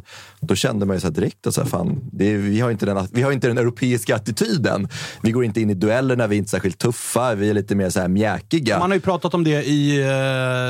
Eh, mitt enda glädjeämne jag får ta upp i det här avsnittet är ju AIKs derbystatistik mot Djurgården. Men det har ju varit samma snack kring det. Att så här, vi saknar karaktärer, vi saknar folk som brinner, som är lite fula och lite äckliga på planen. Att man står upp har de spelarna, Djurgården har inte haft dem. Och så när det här dyker upp så är det precis det ni visar upp i varenda Exakt. jävla Europamatch. Och det är så här, vi har också en tydlig spelidé. Kolla 2-0 målet. Liksom. Det är en korthörna. Alltså så här, vi har också massor med olika idéer för att lösa matcher, för att göra mål. Det är inte bara heller slump att det blir mål för Djurgården. Utan det är för här, första målet det är, ju liksom, det är ju en chans som dyker upp bara. Som gör, här, det är därför- svårt att planera ja, för. Och det, det är därför det blir jätteintressant att se hur Djurgården tar med det här in i allsvenskan. För det var ju det också som var en del av Malmös liksom, dubbelfront CL och, och ligan och hela den grejen. Att man tog med tempot, arbetsinsatsen, fulheten, cynismen och flowet in i allsvenskan och, och liksom fortsatte på den inslagna vägen även där. Och där blir det ju en utmaning då, vi pratar om att fördelen av en grupp som, som gör någonting för första gången tillsammans. Då blir det också så här, ja men nu nu liksom Apoel och 20 000 oxtokiga djur på läktaren och bla bla bla. Och sen ska man åka liksom Värnamo eller Mjällby eller den typen av beskedligt motstånd. Och då blir det så här, wow, okej, okay, Mm. just det. Det är det här som är vår vardag egentligen. Så att hur man ska tackla det också blir ju ledarskapsutmaning för Kim och Tolk. Ja, exakt. Och det är klart det är stor skillnad att dra ner till Varberg och, och lira fotboll nu, nu, Ja. nu på lördag också med så här förutsättningarna. Man är ganska trött i kroppen och vilka ska starta. Men det är också skillnad från många andra lag i Allsvenskan. Så har, vi har varit inne på det förr också, det blir nästan uttjatat, men vi har en sån enorm bredd. Vi har ju 16-17 gubbar som liksom kan gå in och starta en match. Och det I gör, ett system som fungerar. AIK har man ju inte ens haft någon aning om vilken formation blir. Nej. Det är 5-3-2, är det 4-3-3, är det 4-4-2? Eller vad, vad är Ja, men det är så här, och så, kolla, liksom? Wickheim, liksom, ja, man kollar på honom i våras. Och, Det är klart, han hoppar in och gör mål i Ja. sin första bolltouch. Alltså det är ju så här, det är sånt stäm. Och det är liksom, han har ju visat sig liksom vara jätteviktig för Djurgården för att liksom ha varit hur man pratade kring honom i våras. Det visar ju också så här, vi måste ha tålamod. Så här, de vet vad de gör. Våran styrelse, våra sportchef, våra VD, de vet vad de gör. Uppenbarligen så visar det sig på planen nu också att Wickham är, var ingen fiaskovärvning. Han var inte bara inspelad. Han har varit i Saudiarabien i två år. Klart han är lite fett and happy. Han måste komma igång liksom. Där Och- satt man ju också under matchen och så här, ah, de plockar Joel Asoro som typ Mm. har varit hetast. Vi came in 35 sekunder Ja. senare. Pang, Första stolpen. 3-0. Liksom. Det osar ju så Ja, mycket är- klass kring honom också. Så att det är liksom de som kommer in levererar ju också. Det är det som är så otroligt skönt i Djurgården. Och, Disco, en fråga till dig då. Är detta gruppspel, alltså att, löser de avancemang nu, vilket vi ändå får säga att de har hyfsat goda möjligheter att Ja, göra. Blir det nu den absolut tydligaste utmanaren till Malmö? För att jag menar, det är 100 mille som kommer att ticka in på kontot här. Ja, det blir, Och det ligger väl redan 100 Det där? känns ju som att Norrköping är ju eh, tvåa bakom, va? men där har ju liksom deras styrelse har ju satt en strategi om att de ska kanske inte satsa så där fullt ut på spelarköp så där jättemycket, utan mer de ska fortsätta eh, värna om driften framför allt och sen ska de liksom f- eh, bygga på det här med att sälja och köpa spelare. Så jag tror inte Norrköping kommer vara någon topputmanare på länge. Då är Djurgården liksom den... Men samtidigt, då, Hammarby bor ju ganska bra också och har ju en tradition av att sälja spelare. De har ju väldigt bra verksamhet med HTFF så att där blir det ju också, det blir inte kanske en sån här jättetydlig eh, utmanare, men det är ju liksom de Både Hammarby och Djurgården närmar sig ju med stormsteg och, och liksom ekonomiskt samma sak med Norrköping. Sen blir det svårt att komma ikapp det Malmö har byggt upp. Men det är Ja, klart ja, att- det blir det. Men det är klart det. att så, så bra kommer det, eller så bra är, kommer ju aldrig Malmö vara att de kommer bara leka hem allt hela tiden. Nej, nej, verkligen inte. Som de var rädd för förut. Men det blir spännande att se vad Djurgården kan göra med, med pengarna nu. Om de, för de har ju varit... De är, alltså man ska säga det, Djurgården är den klubb som håller med, hårdast i pengarna. De har absolut inte samma lönestruktur som Hammarby. Inte, som- betalar inte lika stora sign-on som AIK eller som, som Malmö. Utan de har ju liksom, jag tror att den som tjänar mest i Djurgården tjänar väl 100, det är väl Mange som tjänar 130 eller 140 000 eller 150 kanske. Eh, och sen är det väl Viktor Edvardsen på 100, typ. Ja, det Men- känner ju tredje slipsen i Bayern. Nej, men, alltså det är, ju, eh, det är ju stor skillnad så, men och om de skulle, vilket de kanske inte gör, men skulle stämmas för att gasa lite nästa år då, så kan det komma in några roliga spelare och kanske få en större bredd. Och det kan man ju få när man har, det kan man göra när man har fått in de här Europa-pengarna. Ja, och det var vi lite wild and crazy när vi köpte in Edvardsen i, i våras, liksom, eller i vintras. Det är ju en väldigt o-djurgårdiskt värvning. Djurgårdiskt. Det räcker med att man säger djur. Exakt. Väldigt Eh, odjur. Exakt, odjur. Så att eh, det var ju liksom så här, det var ju väldigt olikt Bosse och Henke att göra den typen av värvning och jag tror att när de får se att så här, men det, troligtvis så kan det bli en ganska lönsam affär ändå att investera i en spelare på den övre allsvenska hyllan som Edvardsen ändå var. Att så här, fan, vi kan köpa den här spelaren, Jo, de där- kommer leverera. Exakt, och där liksom köper man ju kvalitet. Man vet vad man får. Det vet ju samma sak som eh, Hammarby lägger ut, det vet om Berisha. Man vet att han kommer lyckas även om inte han liksom har öst in mål de här två, tre matcherna så vet man över tid vad man får. Det är samma sak med Edvardsen. Men samtidigt, det är ju som vi har sett med alla spelare som kommer utifrån. Det kommer det tar tid. Spelar ingen roll om du kommer från tippeligan eller Premier League eller om du kommer från Saudi. Saudi Mm. eller om du kommer från Holland. Det tar tid att anpassa till allsvenskan. Det är dåliga planer, det är dåliga konstgräs och det är liksom supportrar som är mycket närmare än vad man är supportrarna. Även fast det är större supporterskara i utländska klubbar så kommer ju supportrarna så mycket närmare. Och det tyckte jag var lite Lustig var inne på en väldigt bra sak som sa liksom pressen på Guidetti. Det är kanske ännu större press att spela AIK än vad det är i Celta Vigo för där har han polare som är AIK-are som han liksom kommer nära med, med allihopa liksom. Så att det blir en större press på så vis. Och, och det blir mer också. personligt Exakt, än vad det blir eh, när exakt, du utomlands ja. är du verkligen bara en legoknekt när du är Exakt. svensk i Ja. Celta Vigo eller norsk i Saudi eller vad fan du är. Du, bara, du går dit, du gör ditt jobb och Mm. sen skiter du lite i. Hit kommer ju ofta spelare, framförallt svenska hemvändare och sådär och har en personlig relation till klubben man kommer till. Och som du säger, det ska man ha vänner och familj Mm. som håller på den och alla har åsikter och man, man kan inte undgå att läsa och höra och, och det som sägs och, och skrivs. Så det blir någonting helt annat. Och yes, just den hemvändargrejen, om vi ändå pratar om Djurgården, alltså det blir mer och mer tydligt att det var en blessing in disguise att Sead försvann. Alltså sett till vad, hur laget växlat upp efteråt. Att det var lite så här, vem är det egentligen som ska styra? Är det Edvardsen? Är det Sead? Ska mycket gå via Mange? Hur ska den synken funka? Sead försvinner för att han var ämnad för större saker och Celtic och liksom det kommer gå, jag är Ja. övertygad om att det kommer gå bara hur bra som helst där. Men just att Djurgården behövde det här att gå Kollektivet. Från, kollektivet. Gå ifrån den här liksom enda givna superstjärnan som alla s- liksom byggde men sig ge han bollen kring. bara. Liksom. Exakt. Och nu istället liksom eh, forsa över med 11, 12, 13, 15 man. Alltså halva bänken om det behövs. Bara liksom springa över. För det är Djurgården som lag som, som mår bra just nu och inte, inte spelare för spelare liksom för att de är upphöjda av någon annan på någon piedestal eller vad det nu än är. Så det, det, det är ju också en, en jättefaktor. Ja, men det, det- och det är smärtsamt, alltså smärtsamt Ja, men det är uppenbart. klart att det är... Mm. Ja, men det, det är inte så mycket egon heller. Liksom. Man ser så här, när Wikhem gör sina två baljer, eh, vad var det? Kalmar, hemma va? Ja, när han gör sina två baljer, då är liksom Asoro framme liksom, och putsar skorna liksom, och bara pekar på honom. Alltså, Ja, det, så här, det, det är inte så här, Wikheim, fan jag gjorde inte målet. Det är så här, Vi, Wikheim matchen efter, han gör alltså två mot Kalmar, Mm. får ändå sitta kvist mot Apoel. Och verkar ta det hyfsat bra, för han kommer in och gör mål. Men där har ju Djurgården jobbat, så har de jobbat under lång tid. Bosse har ju, det har ju hela tiden, väl Priovic den senaste liksom halvgalna spelaren. Nej, Ajdarevic också. Ja.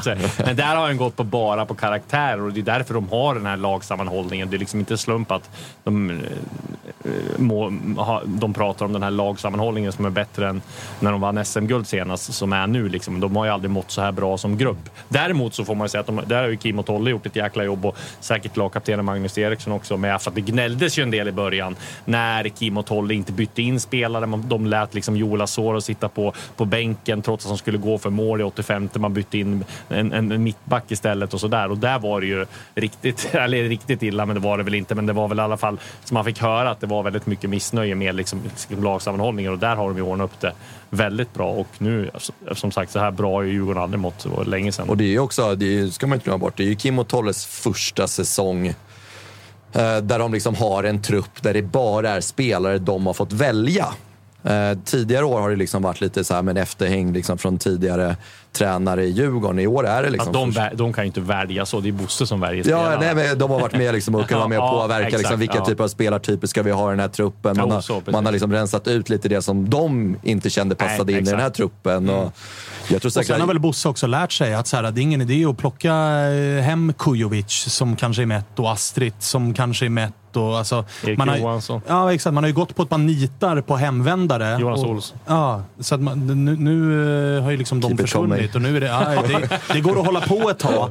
Eh, alltså, det har man ju också gått... Där har ju Bosse också lärt sig lite utav läxan. Att så här, vi ska inte gå på dem där, utan vi går på spelare som kanske är hungriga, kanske lite mer up and coming och så. Och det, och det- och det, och det är klart så här, det, det är klart det är lätt att jobba utifrån en tydlig vision och idé när det funkar.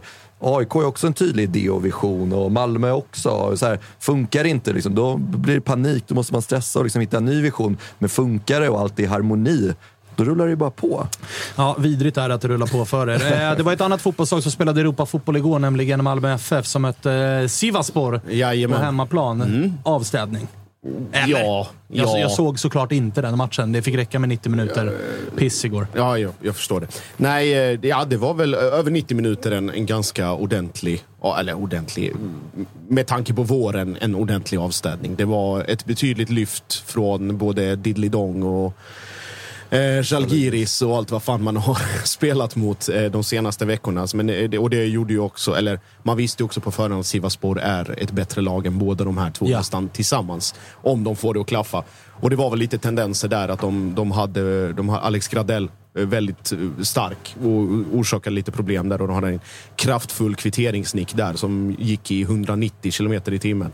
Eh, men utöver det, alltså det är kontroll från minut ett och allt, allt klaffar där det ska klaffa. Seydans fina form fortsätter göra ett... Ah, herregud vad bra han är. Ja, får upp bollen till sig själv och lägger in den i, i, bort, i bortre hörnet. Sen kommer Christiansen och dundrar in en frispark som man inte har sett sedan 2019.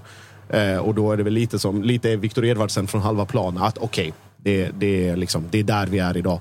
Eh, sen ett par lägen där till i slutet och sen kommer då väldigt, väldigt viktiga 3-1. Niklas Moisander, som inte ens visste hur han skulle fira. Sprang från klacken istället för att springa in i den.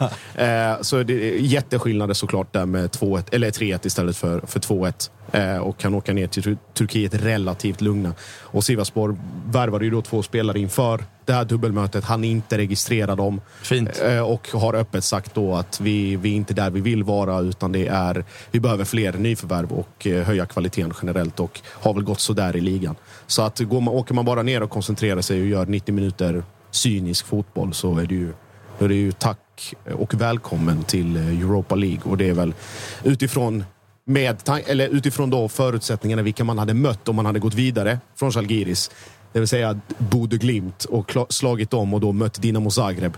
Så är det väl nog mest bara tur att man slapp uppleva det där. Ja, för att jag menar, Bodø Glimt gjorde 5-0 hemma på det här Salgiris-gänget. Jag tror Ja. Bodø Glimt har gjort 28 mål på sina fem senaste hemmamatcher. Mm. Malmö, som Malmö har sett ut den här säsongen. Vi ska nog vara glada och svensk fotbolls vägnar att det inte blev ett dubbelmöte Malmö-Bodø. Ja, definitivt. Och jag såg ju också Bodø, Dinamo där Bodø var... Ja, klart det, bättre. Det är betydligt bättre laget och Dinamo där man hade, de hade sina perioder men ändå inte lyckades liksom koncentreras, koncentrera sig tillräckligt för att undvika den här stirrigheten. Alltså att det, det, var, det sköljde över folk lite överallt på alla möjliga håll. Och så här, ska vi vara ärliga, för svensk del. Alltså, jag, jag förstår ju att så här, för AIKs del hade det varit mycket bättre att nå... eh, För alla lag hade det varit bättre att nå Champions League, för det är väldigt mycket mer pengar. Men det är ju jävligt mycket roligare att spela Europa League och Conference League. Du kan hamna i grupper. Det kommer vara sköna resor. Du kan hamna i grupper där ett motstånd kommer troligtvis vara så här. okej, det där blir jävligt svårt. Vi kommer nog torska 3-4-0 borta och det är inte hela världen. Men övriga två lag i gruppen kommer man nog kunna känna att så här, de här kan vi nog rå på. Vi kanske kan spöa dem hemma. Jag minns när AIK var och hade Napoli, PSV Eindhoven och Nipro. Det var ju så här, PSV Eindhoven spöade vi ju för fan på hemmaplan. Vi kryssade väl mot dem borta. Eh, Napoli har vi kryss mot i 90 minuten på hemmaplan. Alltså det är motstånd där man ändå så här, man kommer inte bli utrullade. Medan i Champions League så, det lärde vi ju, alltså det har ju hänt så jävla mycket med toppfotbollen i Europa. Att lagen Ja. är så jävla mycket bättre. Malmö vart ju beviset på det senast. Att man är ju en turist som ett svenskt lag. I, Lite så. Alltså det är bara håll ner siffrorna. Och lyckas- inte på något rekord. eh, Liksom. Du vill inte stå i Champions Leagues historieböcker som största förlust någonsin. Nej, precis. Och då framförallt då de hemmamatcherna du har mot det då tredje rankade laget. Där det är väl där du egentligen ska... ska... Ja, där kan du kanske hämta en pinne. Ja, och då hade ju Malmö där Zenit den straffen där i slutet som Ja. höll på att ställa till med scenen. Men jag, jag läser bara högt nu från de här potterna, givet då favoriterna efter första omgången, vilka man kan få i Europa League. Det är så, I pott 1 United, Roma, Arsenal, Lazio, Rangers, Dinamo Zagreb, Braga och Röda Stjärnan. Ja, jättefint. Och det, och det är verkligen antingen eller. Det är vad fan Old Trafford borta eller att åka ner och, och spela mot Braga. Så i samma jättefint. pott. Dynamo Kiev, Olympiakos, Feyenoord, Rennes, Monaco, Real Sociedad, Karabag och så är Malmö FF i den potten. Ludogorets, Tiraspol, Real Betis, Midtjylland, Ferencvaros, Union Berlin, Freiburg och Fenerbahce. Och då i sista potten, jävla, vilket jävla gäng. Nantes, Sturm Graz, AEK Larnaca, Omonia från Cypern, FC Zürich, Union Saint-Gillois från Belgien, Trabzon och Silkeborg. Riktigt roliga lag. Ja, alltså- jag, jag säger, och- alltså och- fina jävla Europa och League. absolut sportsligt liksom genomförbara matcher, även om det är Union Berlin. Alltså Arsenal... United vinner de emot nu. Ja, jag menar det är ju fan- det är drömlag. Det som, är, det som är fint här också, det är att det kommer ju vara packade arenor. Det som är lite Mm. tråkigt för Djurgården är att går man till gruppspel i Conference League, då är det ju fortfarande, man kommer ha tre motstånd som man inte vet vart de kommer ifrån. Det är, de, det är, alltså det är ju Slovacko, Där när lotten kommer så tror man att så här, oh, vi ska åka till Slovakien. Ja, man, är, man vet inte ens att de är från Tjeckien. Man har ingen aning. Och jag menar omgången innan, Skendia. Alltså det, det är den typen av... Precis. De ser man ju även i gruppspelet här. Att säga, jaha, var, Mm. var, vart ska vi ens? Ja, och det det är är väl också pott så här, då, kommer ju där. inte, då kommer det ju inte 35 000 till, till matcherna, utan då blir det ju fortfarande, det stannar ju på 20 ändå. Mm. Ja, Vilket är lite tråkigt. Så det är mer namnstarkt, men ändå överkomligt motstånd Överkomligt. Och det- i Europa League. Och med det, exakt. Och med det sagt då, med, ut- utifrån då det sportsliga, liksom vad Malmö presterar, det är ett jättefall framåt. Alltså ett enormt fall framåt från allt det som har varit. Eh, från att Milos gick och efter att han gick och de matcherna i Allsvenskan och Sirius borta och allt vad, vad fan det har varit och Dudelange borta och hela det kalaset. Alltså det är för första gången på, vad ska vi säga, ska vi säga tio matcher? Där det är liksom kontroll. Det är liksom organisation. Det är Peking egentligen sist. Den segermatchen i, i Norrköping där det funkar, funkar bäst. Och det känns ju som att det var hundra år sedan. Och det är, det är kontroll från minut ett och det är framförallt hittar folk vad de ska göra väldigt mycket enklare än vad de har gjort eh, tidigare. Det ser mer naturligt ut. Och då Lomotey Eh, spelklar, lättnad för många, kommer in. Inte jätteimponerande.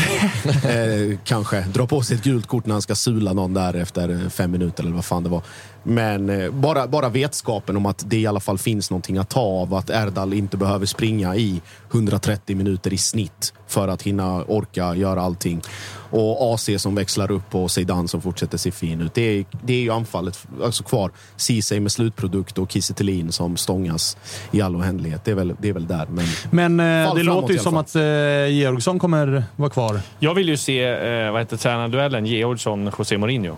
Det hade varit fantastiskt. Det hade varit mäktigt. Mourinho på Leda-stadion med Roma. Det hade varit perfekt. Ah, hade- eller hade varit eller eh, Arsenal kommer ner där och så blir det Arteta och Georgsson som var Ja, i Artetas stab. Ja, Åh, men. Mourinho, Mourinho känns ju mycket Ja, Mourinho- hetare med Ja, tanke det på att de såklart. känns som helt olika karaktärer. Ja, verkligen. Ja, på tal om det där. Det var Ja. skitintressant. Jag läste faktiskt det, det blåstes upp ganska hårt att eh, Georgsson vägrade ta motståndartränaren i hand. Oj, han gör en, Snälla eh, Georgsson som är världens trevligaste Ja, människa. han gör en Cholo Simeone. Ja, och den här turkiske tränaren tyckte Ja, att det var vansinnigt. under all jävla kritik och tyckte det var respektlöst och, och hela kalaset. Och, det, och så sa väl Georgsson, svarade väl Georgsson om att ja, men man får väl peka på, på de faktorerna eh, som inte påverkar, som döljer det man presterar på planen så att säga. Så, lite. Lugn och sansad. Men du, Georgsson också ett, ett snäpp upp för oss i media om man jämfört med Daniel Andersson. Det, Ja, det är betydligt han mer svarar verbalt, Lite, han svarar lite oftare och han är mycket mer avslappnad och skönare. Och, eh, Eh, roligt när han säger, han verkar också gilla silly season. Han säger, svarade ofta att men det är silly season-tiden nu, är mycket spekulationer. Bla, bla, bla. Ja, men det är är favorittider faktiskt- för han är er. faktiskt, Han är faktiskt jävligt, eh, jävligt likable. Och får man säga igen cred för alla värvningar han har gjort. Där hittar ju liksom Ceesay som, jag ska vara helt ärlig, jag visste inte att han var så bra och så snabb. Eh, Mustafa Zeidan, att han skulle explodera så här direkt, det, det trodde man faktiskt inte. Nej, så inte att det är bara lyfta på hatten Och, då dubbla, och sen då dubbla franska värvningar att lyckas lösa Ja. en, en alternativ sexa på så kort tid med så lite utrymme. Mm. Egentligen efter Sibis skada och få in allt det där. Sen ska det ju klaffa. Och det jag, tror, och det är, jag, är, ju- jag är ju hundra på att han sitter kvar eh, vår, det hösten jag ut. också. Det och tror sen, också Disco. Och sen blir det, Ja, sen blir det storstädning i, i vinter. Vad hör ni om eh, potentiella ersättare då? Är det Brännan och Kim Hellberg och Rydström? Och, Jag har ju svårt att se. Alltså jag, jag tror ju att de, de går ju på, säkert på alla de där och tar väl samma lista som de hade tidigare. Men att de går på ett internationellt spår är väl in, ingen jätteoddsare tror jag. Sen är det väl alla de här som har varit aktuellt. Brännström och kolla de de här först. Men ja. Ja, det finns väl någon dansk ledig. Där brukar ni vara het. Ja, och ska man läsa, läsa lite mellan raderna så är ju en då Fotbollsskåne som skriver om Ferran Sibia som ska in i, i organisationen vad det verkar. Så är ju Spanien-spåret inte, inte långt Nej. bort där heller. Så det kan väl nog blickas en, en del mot, mot den delen av Europa. Sen har man ju läst lite om Olle-Gunnar också. Nej, det, det, nej, nej, vet fan. Vad, vad han har sagt nej till eh, Premier League, flera Premier League. Han har Han har det. ju Ja. samma agent som i, uh, Uwe Rössler. Du ser. Jim Solbacken. Ja, har vi kopplingen. Pusslet. Vill, du, du, vill inte ha sa det. du vill inte ha Ole Gunnar? Alltså Ole Gunnar är Ole Gunnar. Han har varit där han, har- han har varit på, på sina ställen. Eh, sen såklart, det, de var ju petade efter... Men det hade ju varit magi det. Det var, han de petade ju Ja, efter, det- efter Molde. Alltså när han Ja. var på väg bort därifrån. Ja, var jag vet. redan där och diskuterade. Och Men eh, det hade varit tror jag, jag tror att han får något vill kanske ha något bättre. Ja. All respekt för man. Det hade varit grymt. Ko- Kolla, alltså, kolla vad han gjorde med United. Han kom väl tvåa med dem. Ja, Alltså det är helt sinnessjukt. Ja, det. Ja, med men det den skitlaget de hade då, får man ju säga nu. Ja, Han kom ju tvåa. Och blev Så- ändå en meme och Ole at the wheel Ja. och hela kalaset. Nej, det hade varit grymt. Såklart. Hörrni, i eh, helgen är det ju allsvensk fotboll, Kalle. Så ser det ut. Eh, AIK ska ta sig Mm. till eh, Parken och eh, frågan är hur mycket sår de hinner slicka innan dess, men det kommer Ja. behövas eh, ganska rejält. Och frågan är ifall det är Bartos som leder laget, men du kan väl berätta för oss lite grann hur det, hur det ser ut där ute i djungeln? Jag kommer berätta att eh, när jag kikar på Unibet så eh, kommer du inte bli så glad, Svanen, för att eh, Norrköping är absolut favorittippare till 2,25 jämfört med AIKs 3,25 gånger pengarna. Eh, Så jag, jag hade faktiskt inte lagt några pengar på AIK, eh, tyvärr. Vem fan gör det tänkte jag säga. Jag vet inte, men eh, de, de som är över 18 år och inte har problem med spel kan ju gå in på Unibet och lägga en slant på det om de vill. Har man problem med spel, gå in på stödledning.se. Och så får vi se då vem det är som eh, tränar AIK. Ja, den, den största frågan eh, mellan Norrköping och AIK det är om Rickard Norling kommer ta motorcykeln från Strängnäs och sitta på läktaren mot de två klubbar som han är. Ett, han har kört ner i botten. Eh, Två, han har kört ner i botten. ja, och eh, tre, sparkat, eller sparkat alla ledarstaberna lämna AIK i på några år. Alla i ledarstaben har lämnat Norrköping i några år. Undrar om han skulle sitta på läktaren med solglasögon och kolla så här. Nej, jag, jag tror han har med sig kameran så blir det Nordling och Pense reflektera del 9 live. Det är helt, det är helt otroligt hur han har kommit undan Norrköpings, eh, Norrköpings eh, kris. Alltså att han ligger bakom hela... Det var liksom han kom dit och skulle göra något projekt med liksom... Eh, eh, man-man eh, försvar gick helt åt helvete och sen så var han jätteschysst mot alla supportrar, som var jätteschysst mot alla lokalmedier och så håsades han upp som en supertränare. Alla ledare försvann igen och sen så... Ja, Ja, och jag menar det går verkligen utan att stretcha det för mycket att peka. För att jag menar, du, du nämner den här Norling och Pense. I de här, uh, jag har inte orkat se precis varenda frame, men i den så erkänner han ju också mer eller mindre att 2020 med AIK så gjorde han ju det han gjorde och visste att det skulle gå åt helvete. Men han gjorde det för att liksom, ja men provocera och pusha fram det. Och då blir man ju som supporter såhär, och, vänta okej, du använde alltså mitt, min klubb, använder till du som någon form av litet projekt här där du visste att det här kommer inte funka. men ni ville ha offensiv fotboll och unga spelare. Ja, då ska jag kasta in varenda P19-gubbe och spela någon man-man-fotboll alla Atalanta som kommer gå åt helvete. Och det går så pass långt att det är liksom... Det är en stor anledning till att AIK är där man är. Ja, att, så här, man var ju tvungen att... Eh, vi pratade om det, att truppsammansättningen är vad den är. Ja, det är ju för att Henrik Urelius var tvungen att ta över en klubb som var på väg att åka ur och behövde panikvärva för att hålla klubben kvar. Men- Så att jag menar, det är lite så här... eh, Han är ju en anledning till att AIK är där man är och där Peking Det är var där man därför är. jag sa att det blir spännande att se Ja, verkligen, alltså. Det här konstprojektet han håller på med nu då på Youtube. Är, tror ni, jag tror jag har en teori där. Han vill ju in i tv-världen. Han vill bli nya Alexander Axén. Han ska liksom kolla på de här analysdata bla bla, bla så han ska ja, få liksom... Där. Han checkar ut från tränar... Nej, men han kan bara vill bara hålla sig varm. Ah, han vill bara ja, hålla det- sig varm. Ja, men det kan ju också bli, du vet, så är det väl säkert med Axén nu. Nu har han ju varit så länge i tv, så att klubbarna kanske inte ens ringer längre. Nej, för att det är så här, nej, men du är ju tv-expert nu. Så att han kör kanske någon egen liten YouTube-grej. Den är jävligt rolig att titta på stundtals. Ja, det är mys-tv. Ja, det är verkligen då, slow tänk- TV. tänk då han sitter lite som vårt lilla projekt här med, med YouTube. Liksom. Lite Det är en så. och en halv timme där vi bara snackar. Lite så. Och det tänker jag bara på, om vi tänkte på Bosse innan med 10 miljoner Slavia Prag, så tänker man ju på Rickard Norling och presskonferensen när han fick lämna AIK. Att han med allt det han har gjort i klubben och det är liksom nu när han berättar i efterhand ändå säger vi ses väl snart igen.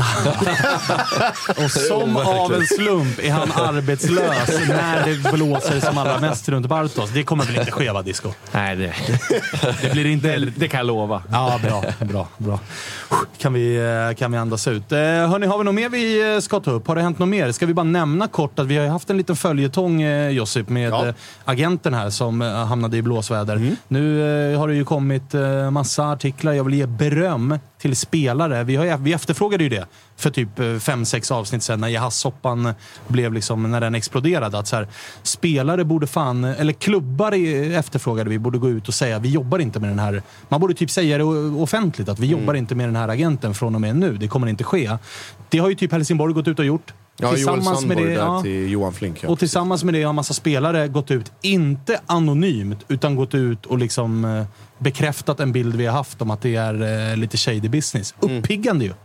Ja, och det saknar väl egentligen motstycke i svensk liksom, fotbollshistoria på det sättet. Det har ju varit agentgranskningar tidigare och folk som har gjort liksom shady, shady business. Men då med- har man ju upplevt att spelare typ har försvarat agenter. Ja, antingen det eller att det bara har mötts med liksom radiotystnad och det har varit mycket anonymt och, och folk är liksom så här, man får spekulera lite fritt och, och det har varit liksom fakturor som har dykt upp där de inte ska dyka upp och alla möjliga andra sammanhang och gåvor man har hört till vad är det, minderåriga spelare och sådana alltså det, det kommer titt som tätt och det, folk har ju blivit avstängda och, och saker. Men att, att folk, som du säger, att man går ut med namn och bild och liksom står för det öppet så som man har gjort i, i det här fallet. Det är väldigt uppseendeväckande. Jo, det- men- Har du varit med om det, Disco? Nej, det har jag inte varit med om. Eh, Men eh, dä- däremot så är det ju, det är ju liksom att, man, att han, som nu Saletros och vem är det mer som berättade? Filip Dagerstål berättade. Ja. Är att han, då, han har försökt blåsa spelarna. Och att det, ja, hur det inte ska komma fram, alltså hur man ska komma undan med det, det har jag helt svårt att förstå. Sen säger väl allt mycket, eh, rätt mycket om att det liksom är tyst från, från hans håll. Att Det in, som, han inte eh, går ut och försvarar sig eller gör någonting. För det är, när, man liksom, när det har varit agentgranskningar tidigare så har de ju snackat om det och liksom försökt försvara sig. Men, Men är det inte lite häpnadsväckande att få hålla, hålla på så lång Jag tänkte tid fråga också? dig Freddy, för att eh, Djurgården värvade nyss en spelare, Besard Sambovic, som Mm. har eh, Mm. den här agenten. Och det ska sägas, ta mig fan också, att Isak Hien som är allsvenskans hetaste exportvara, ifall man får benämna spelare så, har ju också den här agenten. Gör det dig orolig? Att så här, det är trots allt den här liraren som just nu är en viktig pusselbit i en jävligt viktig försäljning för Djurgården. Nej men där tror jag att man har känslan av att Bossa satt ner foten jäkligt tydligt. Att så här, som Isak Hien också är inne på. Att så här, vi har en dialog med Bosse Andersson. Han lovar inte massor med saker. Att så här, du ska få gå om vi får ett bra bud. Ja, men vad är ett bra bud då? Utan jag tror att de sinsemellan har en dialog som den här agenten inte har någon kontroll över. Utan det är mer så här, Bosse och spelarna har ett tätt samarbete, har en tät dialog. Och sen så är det klart att agenten ska få göra sitt jobb, men att där är Djurgården tror jag tydliga, framförallt med Bosse i spetsen, att så här, vi har en dialog med spelarna. Så här, du är agent med allt som det kommer med det, men så här, du måste också lita på vår process som vi har med spelarna. Och det tror jag man kan läsa också lite mellan raderna, att ett av de där citaten är nog från Djurgården. Att eh, man har varit ganska tydlig mot den här agenten, att så här, vi, vi jobbar så här, vi jobbar inte på ditt sätt och det kommer inte accepteras i vår Men förening. det, men det har ju Bosse, det är ju Bosse halvt känd för. eh, Att det är ju han som har gjort alla de här Kina-buden har ju han tagit fram själv. Mm. Och han jobbar ju väldigt tätt med, med klubbar liksom. Så att jag hörde också att han har jobbat hårt på tagit fram Torino där de pratade direkt med honom och sådär. Men, men sen nej, jobbar ju liksom spelarna, eller agenten jobbar ju för spelaren. Ja. Så det, det är ju det som är så eh, märkligt i de här fallen. Att, Att han har blåst dem på pengar. ja, det är ju askonstigt. Ja, det, är och det har fortgått så Ja. länge också, Ja. utan att det har kommit fram någonting. Ja, och det är hyfsat kontraproduktivt. För att jag menar, spelare pratar ju sinsemellan. Det, ja, det är ju just det som är grejen. Alltså, det, spelarna snackar ju om allt. Från löner, från liksom förmåner, bonusar. De vet ju allt om alla. Och det har ju, vet jag när spelare har snackat om, vadå, fick du den här sign-on-bonusen? Va? Ja, men jag fick ju den här. De sa att jag tjänar mest. Alltså, den grejen har ju skapat liksom friktioner i ett lag. Vad gör inte sån här grej då? Liksom? Ja, nej, alltså, det- exakt. Snacket går. Det är ungefär som en Ja, men om du får bli dåligt bemött på en restaurang. Liksom, det är, Då går du och säger till dina polare, Nej, käka ja, inte precis, där. Exakt. För att de samma. spottar i maten. Samma. Alltså, Alltså, jag, jag, jag tror vi glömmer lite ibland hur liten allsvenskan är. Alltså så här, allting och att folk, även om det är... Ja, men då är det helt sjukt att Ja, den här men- nissen fortfarande men har så här- spelare. Nej, men Alltså, enorm, vad händer? En, enorm rivalitet mellan klubbar eller mellan liksom så här folk som inte drar jämnt. Alltså det kan vara sportchefer eller spelare eller saker. Att det finns ont blod mellan mellan någon sen tidigare. Men det innebär inte att man inte liksom snackar om vissa saker eller när, när de kommer på tal eller snackisar som dyker upp i, i media. Vi vet ju, framförallt Disco vet ju att den största lögnen som svenska fotbollsspelare säger är att jag läser inte så mycket vad som står i media. Nej, de läser allt. Ja, ja, ja. Och, det, och när det dyker upp sådana saker eller så här uppgifter av olika slag så, så nämns det och det diskuteras i, i omklädningsrum, i WhatsApp-trådar, överallt och, och ingenstans. Så att det är lätt att glömma bort att det är den här dammen som vi lever och verkar i, den är, den är inte så jävla stor egentligen. Fina jävla slutord, eh, för att nu eh, håller vi på att svimma. Alla fem som eh, sitter där inne. Det har varit varmt satan, men det har funnits också att prata om. Jävligt kul att Freddy löste så vi kunde ringa upp Isak Hien som ju är allsvenskans hetaste spelare. Alltid kul, oavsett hur det går, att prata lite med August Spångberg också. Eh, tack Disco för att du eh, kom Stort hit tack. och, och gästade oss. Freddy och Josip, vi eh, ses väl inom kort igen. Er blir jag ju aldrig av med. Nej, som. Eh, Kalle, Ja. Har du haft det bra? Ja, absolut. Du lever? Lite varmt och gott, men Ja. eh, mycket trevligt. Gott så då. Vi, Men då eh, jobbar vi från poolen då på måndag. Ja, du ska ner till Cypern. Ja, jag drar ner till Cypern på Eh, söndag. Då, då kommer väl August tillbaks då. Exakt, vi, eh, som att hans, eh, byter av varandra. Som att hans eh, liv inte kan bli värre just nu, så får han lämna Spanien och komma tillbaks till, Karlberg. till Sverige. Karlberg. Tillbaks till Karlberg. Vilket ruggigt läge att åka ner på en bortafight med 3-0 och Cypern och värme. Och det kan Nej, det hade ju varit surt bra om det hade blivit tvärtom resultat. 3-0 till bra Jo, men då kan du ändå trösta dig med stranden. Är du med? Ja. Ja, ja, exakt. Men här är det liksom det är 3-0 i ryggen, medvind i diffen. Schüller är avstängd, det är väl det enda. Men som att det inte kommer in någon det, jävla det, är- banda det är eller typ Bessard jättebra eller- att han är avstängd känner jag, för då kan alla göra 90 minuter mot Varberg istället. det är kanon ju! Och framförallt så, är det så här, framförallt så vet man ju att i Djurgården, i, när han tar det där gula kortet, i, eller det röda kortet i, det- i 3-0-ledning. Snacket hos Djurgården går ju då, bra, då är han redo första gruppspelsmatchen. Exakt. Så jävla vidrigt. Då kan vi spara honom borta mot, Spara mot honom Apoel. borta mot Apoel, för vi har Roma i första. Eller vad fan det Exakt. Plocka in Besard istället. Usch! Nu säger vi trevlig helg. Vi eh, hörs igen på måndag. Hej på er!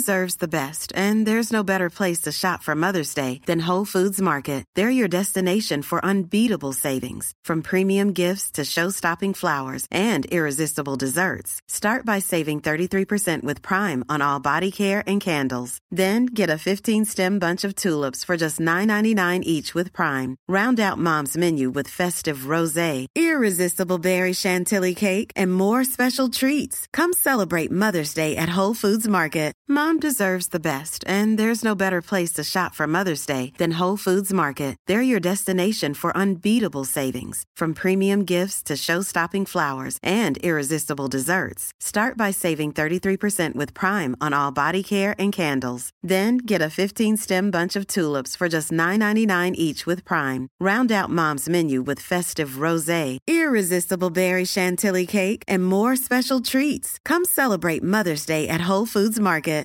When you make decisions for your company, you look for the no-brainers. And if you have a lot of mailing to do, Stamps.com is the ultimate no-brainer. It streamlines your processes to make your business more efficient, which makes you less busy. Mail checks, invoices, legal documents, and everything you need to keep your business running with Stamps.com.